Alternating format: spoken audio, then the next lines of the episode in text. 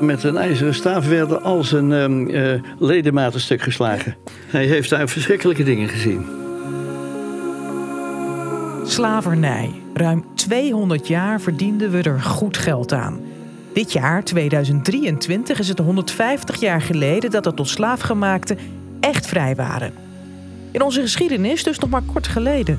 Het kan niet anders dan dat er ook in Brabant nog sporen te vinden zijn. In deze podcast leg ik, Cindy de Koning, er een aantal bloot.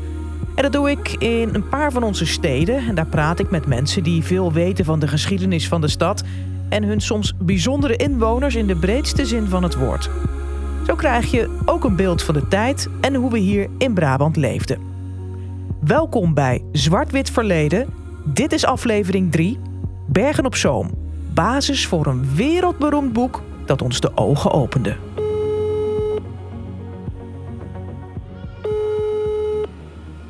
Ja, Bart van Enkelen. Hey Bart, met Cindy, hallo.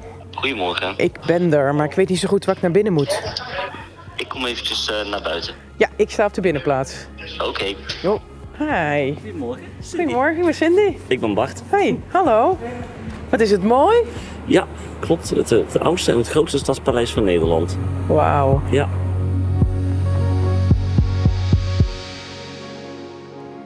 Als je naar Bergen op Zoom gaat, ja, dan moet je hier wel geweest zijn. Het Stadspaleis, het Markiezenhof. Welkom.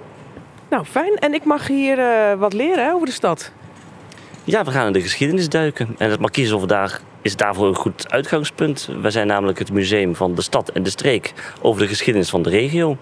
Ja, ik ben met name geïnteresseerd in de tijd, laten we zeggen, tweede helft, 18e eeuw voor dit verhaal. Dat is een periode waarin er veel gebeurd is in Bergen op Zoom. En daar kunnen we wel wat van gaan zien. Dus kom verder. Bart van Ekelen, kunsthistoricus, maar ook conservator van het Markiezenhof. Hij leidt me vol trots rond in het Stadspaleis. Dit is de, de hofzaal, de hoofdzaal. En dat is het pronkstuk van het hof, de Christoffelschouw. 500 jaar oud ook waarin je als het ware door de eeuwen heen wandelt. Dit zijn grote, hoge ruimtes ook, die in 1700 ongeveer nog zijn aangepast aan de mode van die tijd in Frans klassicistische stijl. Maar ik ben met name op zoek naar een oude maquette van de stad. Om zo een beeld te krijgen van de tijd waarin de hoofdpersonen van deze aflevering leefden. Ja, we lopen hier door de galerij. Dan gaan we nu de zaal in waar een grote maquette staat. We noemen het de Franse maquette. En dat is een, eh, een 18e eeuwse maquette die een, mooi, een mooie indruk geeft van de stad in de 18e eeuw. Wacht even hoor, jij hebt het over een maquette. Ik denk bij maquette, denk ik, nou dat is een soort uh, stadsplattegrondje in een, uh, in een glazen kistje. Maar dit is ongeveer de hele kamer groot, schuin tegen de wand aan. Ja, dit is ongeveer de enige manier waarop we deze maquette kwijt kunnen, inderdaad. Hij is tientallen vierkante meters groot. En dat laat de hele stad zien, inclusief de omwallingen die er toen nog waren. Plus het hele buitengebied met de fortenlinie die bij de stad hoorde. Ja, dit moet ik toch even op me in laten werken. Nou, we staan er nu recht voor. Eens even kijken. Nou, dat is duidelijk. Uh, dat is de Gertrudeskerk in het midden, uh, zie ik zo. Ik denk dat ik daar rechtsbovenin het Stadspaleis dan uh, hier zie. Ik zie daar de, de, de, de toren naar de stad toe. Die is er nu ook nog, hè? Uh, ja, en, en voor de rest inderdaad een heel vestingwerk eromheen. Het is uh, niet rond, het is een beetje... Uh, ja. ja. naar boven toe is het langer mm dan in de breedte. Ja. Maar wel zo'n vestingwerk met van die punten. Wat kenmerkend is aan deze stad, is niet dat de stad en de vestingwerken cirkelvormig zijn, maar dat er een soort uitstulping aan zit. Een lange sliert rondom de haven. En dat is een groot verschil met nu, hè, in Bergen op Zoom. Ja, toen was de haven nog, nog open en er was nog een open verbinding met de zee. Er waren zelfs een, een Noord- en een Zuidfort ook aangelegd om de, de toegang tot de haven ook te beschermen. En ook in de 18e eeuw kwam, kwam hier uh, uh, heel veel handelaren van heinde en verre naar de twee bekende jaarmarkten van Bergen op Zoom. Maar ook heel veel Indiëvaarders, Oost- en West-Indiëvaarders bijvoorbeeld. En internationale uh, schepen van de, van de WIC bijvoorbeeld. Die legden ook in Bergen op Zoom aan. Het was toen nog steeds een belangrijke havenstad. En een belangrijke handelsstad dus. En een belangrijke handelsstad. En het was ook een garnizoensstad. Dus dat betekent dat hier ook permanent legeronderdelen gelegerd waren ter verdediging van de stad. Maar hoe was het om in die stad te wonen? Als ik me dat moet voorstellen, denk ik dat het heel uh, chaotisch en druk kon zijn. In bepaalde opzichten ook wel vuil. Je ziet dat het hele oppervlak van de stad, als je naar de maquette kijkt, niet zo groot is. Uh, op het breedste punt is de hele doorsnee van de stad binnen de vestingwerken maar een paar honderd meter. En op dat kleine gebied gebeurde dus hartstikke veel. Er werd gewoond, gewerkt. Um, een belangrijke nijverheid in de stad was de pottenbakkerij. Um, en dan waren er ook een paar belangrijke hoofdstraten waar vooral gewoond werd. Nou gaat deze podcast over sporen van slavernij in Brabant. Hoezeer is dan de stad zelf, of de markies of het markiezenhof, te linken aan, aan dat koloniale verleden? Natuurlijk was het zo dat personen zelf, eh, zoals Stedman die ook nog gaat bespreken, eh, er zelf profijt van heeft gehad. En via hun investeringen, via hun aanwezigheid, um, waren mensen die daarmee te maken hadden natuurlijk in Bergen op Zoom aanwezig. We weten ook dat hier verschillende zwarte personen en tot slaafgemaakten in de stad aanwezig waren. Mensen die investeerden hier onder andere met geld dat ze met de slavenhandel verdiend hadden.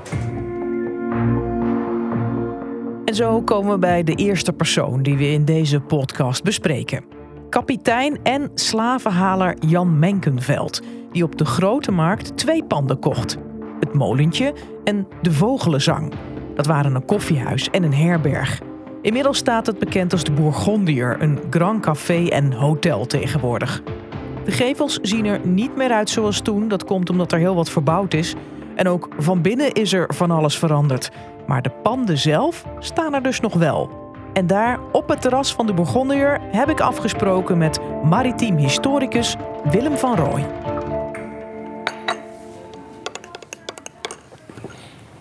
Zo, de koffie staat. Neem maar een lekkere slok, want je hebt veel te vertellen, denk ik, uh, Willem.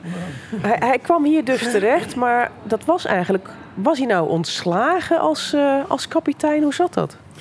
Ja, hij had als kapitein had hij zeven reizen gemaakt bij de Middelburgse Commerciecompagnie als kapitein.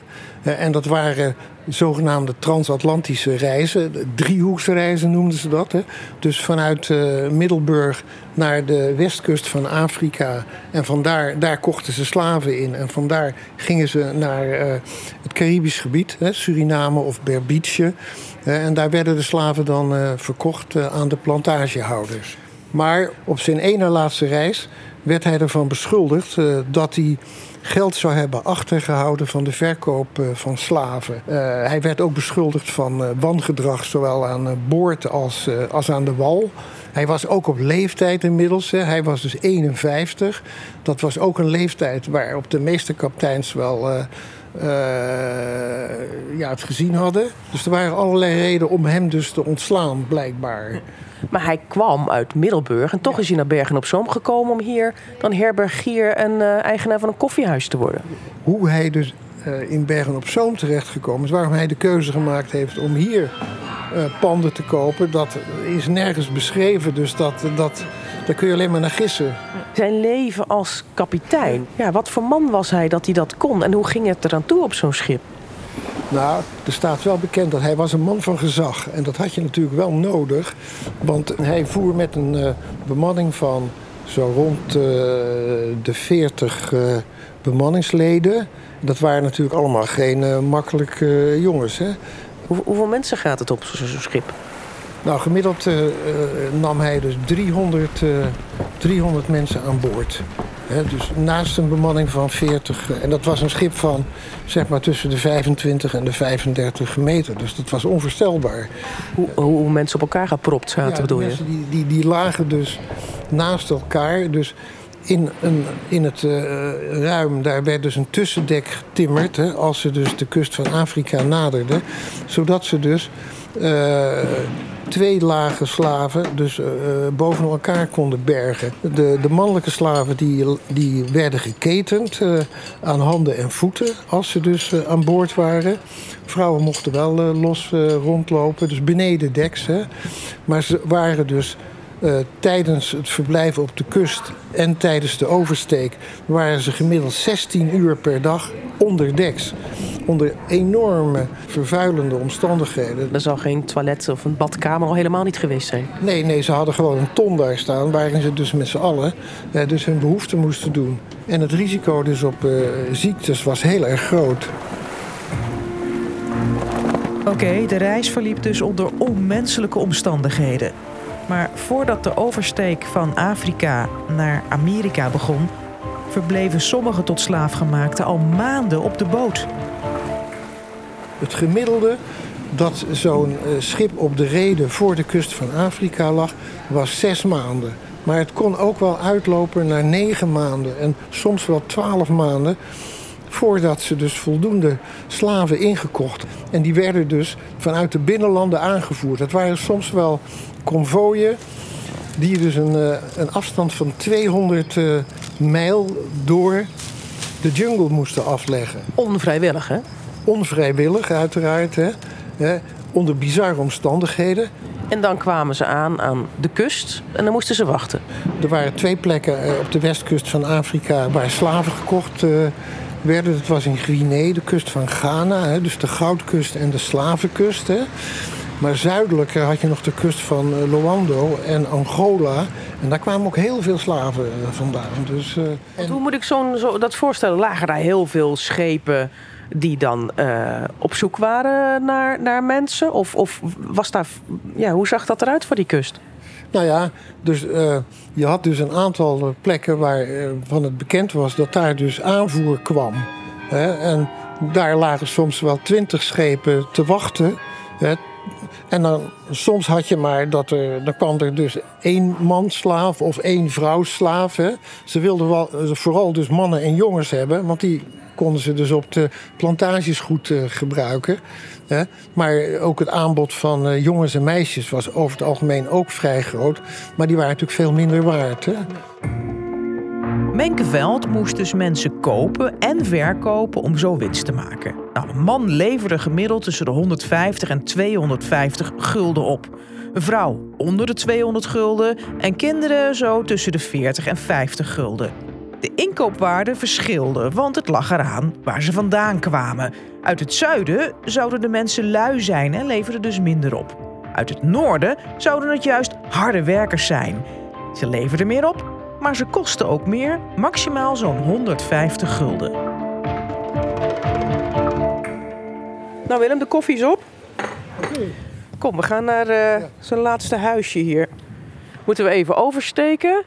En ik zie daar op de gevel Rijke Buurtstraat. Daar moeten we zijn, hè? Ja, in de Rijke Buurtstraat. Daar uh, is uh, Jan Menkenveld gaan wonen. Nadat hij dus de panden dus op de Grote Markt uh, verkocht heeft. En dus nou ja, het, het, pand dat heet dus de Kleine Barsie. Oh, dat is dit pand. Even kijken. Uh, grijs gepleisterd. Ja, het is, het is niet, ook weer niet zo... Het is heel smalletjes. Wat is het? Het is een deur.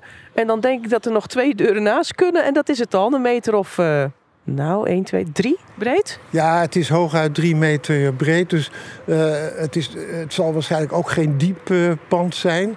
Maar daar is hij dus gaan wonen? Ja, daar is hij, daar is hij toen gaan wonen. Daar heeft hij dus uh, 14 jaar heeft hij daar ongeveer gewoond nog... nadat hij dus het koffiehuis en de herberg verkocht had. En is toen ook hier in Bergen op Zoom gestorven? Hè? Ja, ja hij, hij is dus gestorven uh, aan een longontsteking. En uh, toen hij begraven werd, toen stond er in zijn testament dat er dus uh, bij zijn begrafenis twee uur lang de klok geluid moest worden. En daar had hij dus ook voor betaald. Sommige mensen die deden dat maar een half uur. Maar hij was inderdaad toch wel zo welgesteld dat hij twee uur lang, zeg maar, dus uh, de bewoners van uh, Bergen op Zoom met zijn klokgeluid kon verheugen. ja. Jan Menkeveld werd uiteindelijk 71 jaar en liet een vrouw en dochter achter. Hij maakte zeven slavenreizen, waarbij hij 2041 slaafgemaakte kocht en vervoerde naar de Cariben. Iemand die ook een reis heeft moeten maken op een slavenschip is Kwaku. Een jongen die uiteindelijk in Bergen op Zoom terechtkomt. Voor zijn verhaal ga ik naar Ineke Mok in Haarlem. Zij is historisch onderzoeker en deed en doet veel onderzoek naar slavernij. Ze schreef diverse boeken en ook een stripboek over Kwaku. Ik kijk uit over het Spaarne, uh, een water bij Haarlem. Oké, ik stel me even voor dat het 1777 is, begin juni ergens. En er komt hier een grote boot voorbij. Wie zit er op die boot? Nou, op die boot zitten vooral militairen. Ze komen net van Texel. Ze zijn via Amsterdam, Sparendam naar Haarlem gevaren. Over het Spaarne. En op, het, op die boot zitten vooral de militairen die gevochten hebben in Suriname tegen wat je nu noemt de Marons. de, zo werden de mensen, of worden de mensen genoemd nu de nazaten van degene die ooit wegvluchten van de plantage en voor hun vrijheid gingen vechten. En op die boot zit ook een kleine donkere jongen. Wie is dat? Ja, die jongen is ongeveer 16 jaar. Dat is Kwakkel. Een jongen uit Afrika, in dienst gekomen van Stedman. Dat wil zeggen, Stedman heeft hem in bezit. Hij heeft hem twee jaar terug gekocht in Paramaribo van meneer Kennedy. En meneer Kennedy was plantagehouder en heeft Kwakko waarschijnlijk zo rond 1770 in eigendom gekregen, gekocht. En... Want Kwakko die ehm, was een kind nog, toen werd hij geroofd in Afrika en naar Suriname vervoerd. Precies. Uh, Kwakko is een van de vele kinderen. En men schat dat het in de tijd dat hij ontvoerd is, uh, ongeveer 25% van de mensen op de schepen die gedeporteerd werden naar de koloniën, waren kinderen. Hij kwam uiteindelijk terecht bij die meneer Kennedy in Paramaribo en werd daar zijn loopjongen, zijn futeboy. Op een dag komt er een man op bezoek, een officier die komt strijden tegen de Marons. En dat is John Gabriel Stedman uit Bergen op Zoom. Zometeen hoor je ook zijn verhaal, want hij schreef een belangrijk boek. Kwaku werd als voetenboy uitgeleend aan hem om te helpen. Zo moet hij bijvoorbeeld voor hem zorgen en zijn parasol dragen. Maar hij moest ook mee tijdens die zware expedities naar de binnenlanden van Suriname. Alles beviel Stedman zo goed dat hij de jongen kocht voor 500 gulden. En dus is het nu juni 77. Zien we die boot hier voorbij gaan met al die militairen en Kwaku. En zien ze deze molen hier. Wat is dit voor molen? Het is een houtzaagmolen. En ook in de tijd van uh, Kwaku werd hier al hout gezaagd. Grote planken hout, of grote boomstammen werden hier verzaagd. Onder andere voor de VOC-schepen. Uh, dat zal ook wel even gek geweest zijn voor hem, denk ik. Ik denk dat het sowieso voor hem een gekke wereld was. Natuurlijk hebben ze het allemaal koud gehad. Ook de mensen uit Nederland die zo lang al in Suriname hebben gediend. En dat schrijft Stepman ook. Dat ze op weg gaan naar uh, Den Bosch en daar onthaald worden met allemaal fruit en de zoetigheden. Wat zij totaal niet zoet vinden. Zeker niet als ze terugdenken aan al het heerlijke fruit wat ze in Suriname hebben gehad. Ja. En dan komen ze hier. Uiteindelijk um, komt hij dus in Bergen op Zoom terecht bij Stedman. Ja, hij komt daar niet meteen terecht. Hè. Hij gaat van Den Bosch uh, eerst naar Zutphen. Daar laat uh, Stedman hem achter. Uh, het kan zijn bij zijn broer, maar in ieder geval, want die wonen in, in Zutphen. En daar gaat Kwakko naar school. Hij leert spellen en schrijven. Hij leert ook catechisatie. Want hij wordt nu opgevoed tot christen.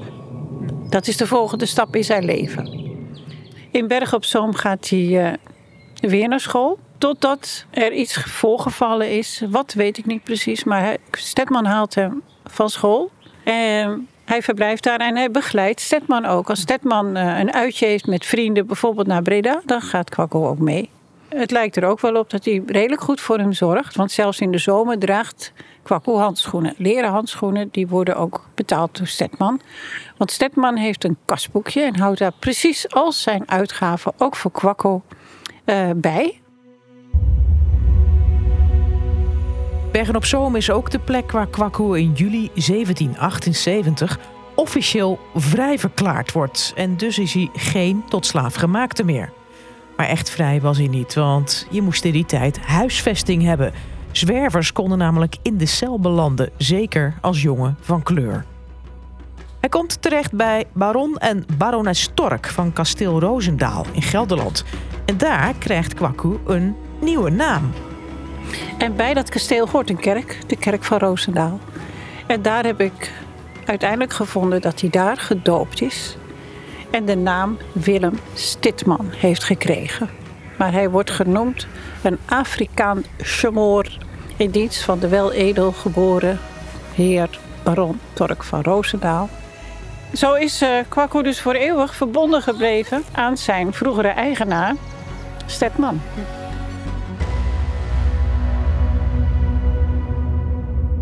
Hij woonde dus bij Stedman in Bergen-op-Zoom geruime tijd.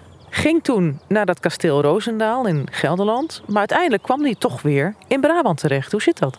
Ja, hij is uh, op een gegeven moment terechtgekomen op kasteel Asten. Een jachtslot. Dat uh, de baron, de baron van uh, Tork van Roosendaal, ging huren in 1790, meen ik. Of in ieder geval ging hij daar naartoe. En wat deed hij daar? Ik denk hetzelfde. Helpen met jagen, ja, van Tork assisteren. Hm. Met van alles. Maar het gekke is dat ik heb nergens een spoor kunnen vinden van zijn leven daar. Nog in de archieven van de familie van Tork van Roosendaal of uh, ergens anders in, uh, in Brabant. Maar wat ik wel vond is dat in 1792 Kwakko is weggestuurd. De ware toedracht is totaal onbekend. En um, daarna was ik Kwakko kwijt. En toen vond ik hem in het Nationaal Archief, in het VOC-archief. Dus hij is weer met de VOC meegegaan. Precies. Uiteindelijk blijkt dus dat hij uh, via Rotterdam als matroos is ingescheept met de IJsselmonde naar Batavia. Dan heeft hij vier continenten gehad? Hij heeft vier continenten gehad. Ja. En uh, ik denk altijd maar, hij moet ontzettend alleen zijn geweest. Ja, wat voor heel veel uh, kinderen, die ook net als hij ontvoerd zijn geweest en verkocht, het geval moet zijn. Bizar leven. Tot zover Ineke Mok. Ze heeft het veel gehad over die John Gabriel Stedman. Maar wie was dat nou eigenlijk? Dat wil ik graag weten. Nou, we weten dat hij uit Bergen op Zoom kwam en dat hij Kwakkoe meenam naar de Republiek en zijn stad. Dus wil ik naar Bergen op Zoom. Maar eerst nog even een tussenstop. Want Stedman hield uitgebreide dagboeken bij van zijn reis naar Suriname. En uiteindelijk verwerkte hij dat tot een boek dat een internationale bestseller werd. Hij schreef over zijn liefde voor een zwarte vrouw, waarbij hij een zoon kreeg, over zijn liefde voor de natuur, maar ook over de gruwelijkheden die de tot slaafgemaakte moesten ondergaan. En Stedman schetste ook veel tijdens zijn reis. En die tekeningen werden al helemaal wereldberoemd. Ja, toen ik in de vorige aflevering in het Stadsarchief van Breda was, vertelde de archivaris Rinke de Bond me dat ze daar in hun archief het boek ook in bewaring hebben. Een hele oude versie en eerste druk. En dus ga ik, voordat ik naar Bergen op Zoom terugrijd, nog eerst even langs Breda.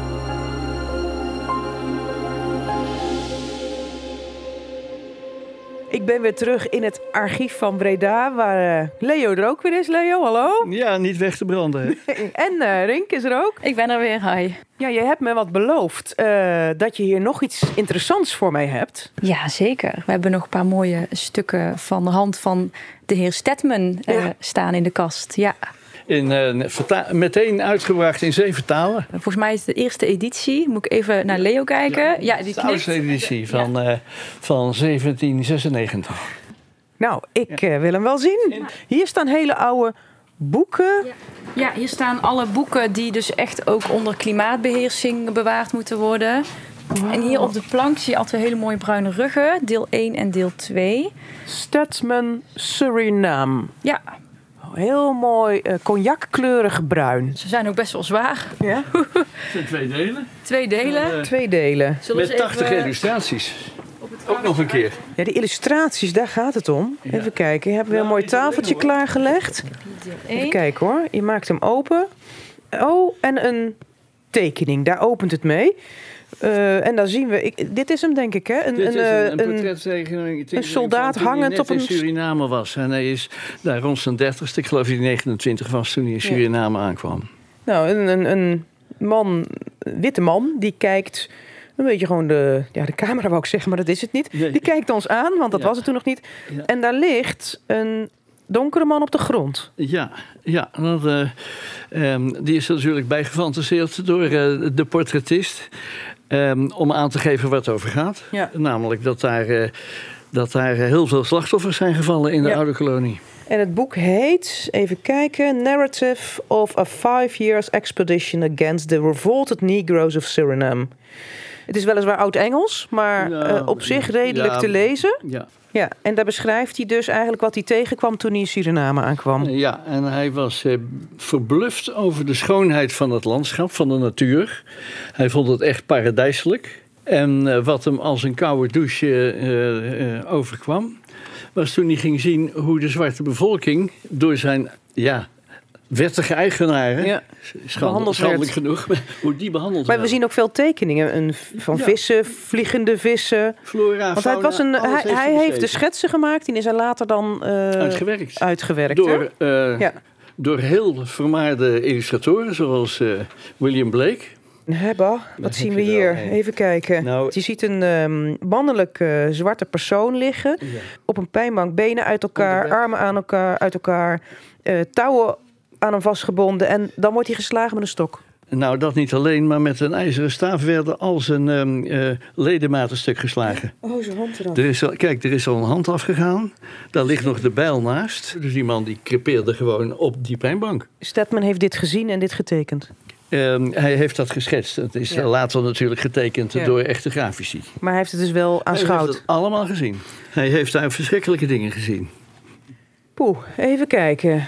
In deel 1 een afbeelding die er niet om ligt, hè? Wat zien we hier? Ja, we zien hier een, ehm, een, ehm, een slaaf hangend aan een, ehm, aan een galg. Waarbij eh, eh, hij is niet met zijn nek opgehangen aan die galg. Maar aan een vleeshaak doe je hem door de ribbenkast is geslagen. En zo heeft hij daar net zo lang eh, gebungeld in helse pijnen. Totdat hij. Ja, net zo lang tot hij dood was natuurlijk. Dat was gewoon de bedoeling. Ja, het is een echt afschuwelijk eh, plaatje. Maar hij heeft de kwaliteit gehad, behalve dat het een ontzettende bengel was in zijn jeugdjaren, om met zijn ehm, eh, literaire stijl van schrijven en de vele illustraties eh, daarbij ten bewijze. Dat er langzamerhand een heel ander wind is gaan waaien. En dat ehm, eh, mensen buiten de koloniën eh, tot ontdekking kwamen wat er allemaal in naam van de christenheid wordt uitgevoerd in die koloniën. Joh, nou, ik moet er even van bij komen, maar ik heb wel zoiets van, goh, ik ga naar Bergen op Zoom om daar meer te leren over deze bijzondere man. Ja, Leo zei het al, 80 illustraties. En natuurlijk heb ik op internet al een aantal van die plaatjes gezien, maar als je dan dat boek uit 1796 echt voor je hebt liggen, sterker nog, je mag het even in je handen houden en je ziet die tekeningen van dichtbij in het echt, ja, dan komt het wel even binnen. Daar, achter die twee lantaarns, die witte gevel, dat is de stek van Stedman. Daar heeft zijn moeder gewoond. Daar is ze gestorven. In Bergen op Zoom ontmoet ik op de parade Roggens van den Berg. De 80 gepasseerd, maar dat zou je helemaal niet zeggen. Snor, pet en een ferme pas. Hij was archivaris en geniet er nog steeds van om, zoals ik in Breda even mocht ervaren, in de archieven te duiken. Als je die stukken voor je neus ziet, de echte stukken in je hand houdt. Je begint helemaal te stralen. Ja, ja, dan is het. Hier, Twee panden waar we op uitkijken. Nummer 14, een beetje beige gepleisterd. Er staat hel, hal, Halmaart, Halmaal. halmalen. Halmalen boven, anno 1747 en nummertje 12, het Nieuw Kasteel. En, en dit heeft te maken met John Gabriel Stedman, want daar hebben we het over. Ehm, want ja, heeft hij hier gewoond? We weten heel zeker dat zijn moeder hier gewoond heeft. En we weten ook heel zeker dat hij dus daar binnenkwam. Hij heeft dus daar gewoond. Hij, heeft alleen, hij komt dus niet met zijn moeder goed overweg. En toen is hij verhuisd naar de andere kant van de parade. Want we zijn dus nu de parade. Als we over de militaire geschiedenis willen hebben en we het over Stedman hebben, dan kunnen we de parade niet vergeten. Dat we dus waar de, de reglementen werden voorgelezen, waar de straffen werden voorgelezen, waar geëxerceerd werd, eh, waar dus alle militaire gebeurtenissen waarschijnlijk plaats hebben gevonden. Ja, John Gabriel Stedman was een zoon van een Schotse officier en een Bergse moeder. Ehm, en ja, hij heeft hier dus zijn jeugd doorgebracht. Wat voor jongen was dat? Hij zegt zelf, dat schrijft hij dus ook in zijn- zijn, zijn journaal, ik was zelf een bold en, eh, Brutaal. en brutaal. Ja, een brutaal iemand, eh, vechtlustig, ik vocht graag. Ik had niks anders te doen. Het was een vervelend ventje. Met zo'n vader kon het natuurlijk niet anders zijn dat ook hij het leger inging. En dat begon al op jonge leeftijd. Eerst als kadet en op zijn zestiende werd hij vaandrig, de jongste officier.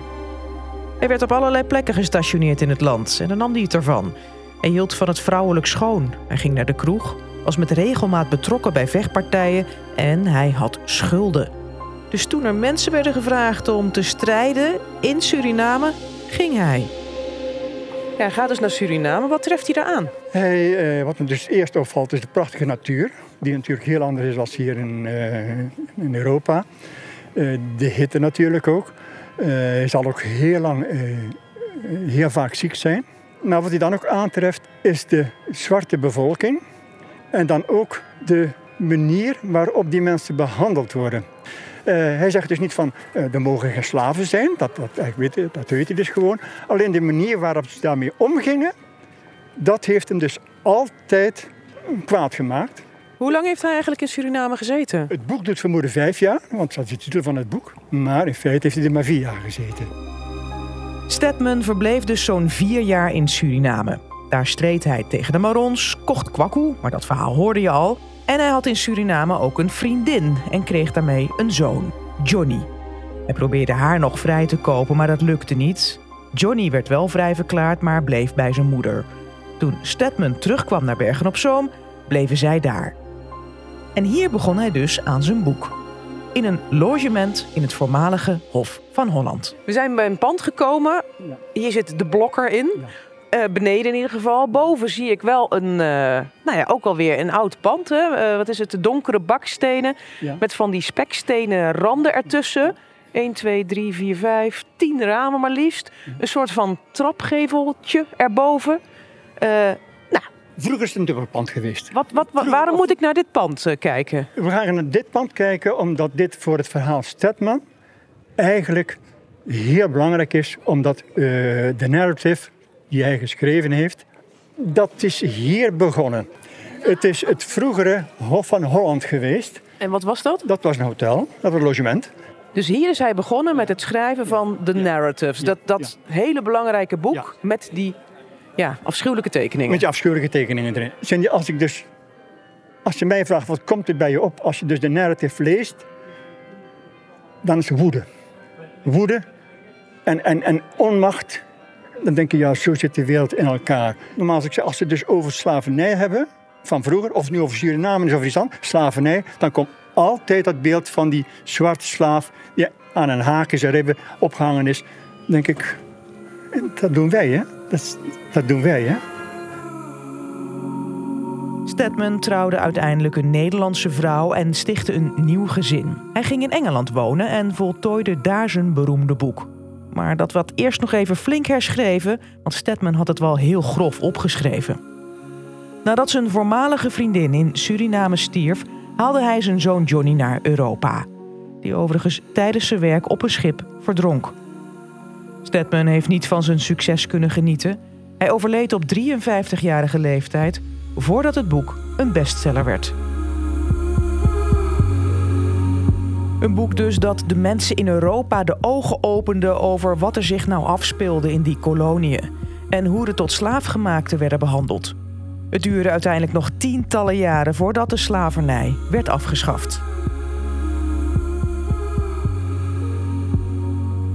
Tot zover aflevering 3 van de podcast Zwart-Wit Verleden over de sporen van slavernij in Brabant. En ook tot zover Bergen op Zoom. In de volgende aflevering ben ik in Tilburg die stad is erg bezig met bewustwording en educatie. Het is de stad waar ook het enige slavernijmonument van Brabant staat. We zien een, uh, twee schakels waarop een uh, jonge uh, dame zit. En zij is aan het peinzen over haar toekomst. En dat symboliseert uiteraard dat het einde is van slavernij en dat de mensen vrij zijn. In deze podcast vertellen we de verhalen zo goed als mogelijk Ieder verhaal heeft meerdere kanten en wij kiezen geen kant. Dat mag je zelf doen. Deze podcast was er niet gekomen als niet al mijn enthousiaste gasten hadden meegewerkt en meegezocht naar de verhalen uit Brabant. En ook niet als Janneke Bos en Bert van Doorn van Omroep Brabant net als ik vinden dat deze verhalen verteld moeten worden om zo meer te leren van onze geschiedenis. Vind je dit een podcast die meer mensen zouden moeten horen? Geef het dan een like Reageren kan natuurlijk ook via podcast.omroepbrabant.nl. Tot de volgende!